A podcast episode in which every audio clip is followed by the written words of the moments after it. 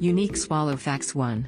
Swallows only live in Southeast Asia, such as Indonesia, Malaysia, Thailand, Vietnam, the Philippines, Brunei Darussalam, Cambodia, Laos, and East Leste.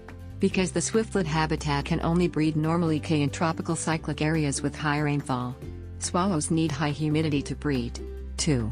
Make a nest with this saliva. Swallows make nests from the saliva that comes out of the salivary glands in their throats. Active glands produce saliva before the egg-laying period. The nest is made of pure saliva and does not use any mixture of ingredients. In the fall season, the nest is mixed with swallow feathers. Swallows make nests for 8 weeks by knitting them slowly. The saliva that comes out of the swallow's lungs is initially in the form of a thick liquid, then within a few hours the knitted saliva dries and hardens. Then, knit the saliva into a nest with a shape resembling the shape of a bowl 3. The nest is very nutritious for health. A study at the Chinese University of Hong Kong said that swallow nests contain glycoproteins that are important for immunity and metabolism. Swallow's nest is also useful for skin rejuvenation, brain intelligence, stamina, and as an aphrodisiac, booster, passion. In fact, recent research has stated that swallow's nest is useful for the treatment of AIDS. 4. The price of swallow nest is expensive in May 2017. The price of raw swiftlet nests reached used 514,965 kg. As the Chinese New Year approaches, the price of swallow nests increases every year.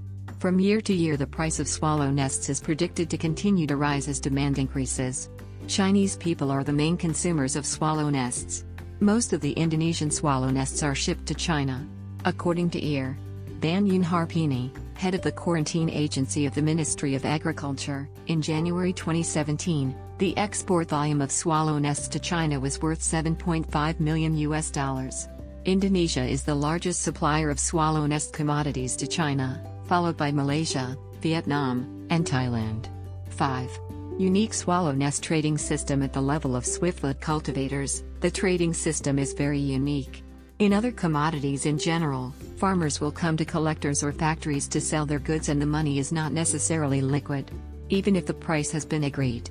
In these conditions the price determinant is the buyer. It is different from buying and selling swallow nests.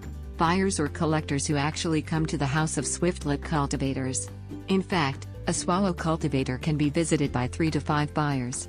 That is, the need for swallow nests is very large. In fact, there are thousands of swallow buildings in Indonesia scattered throughout the archipelago. However, the available stock has not been able to keep up with the high demand.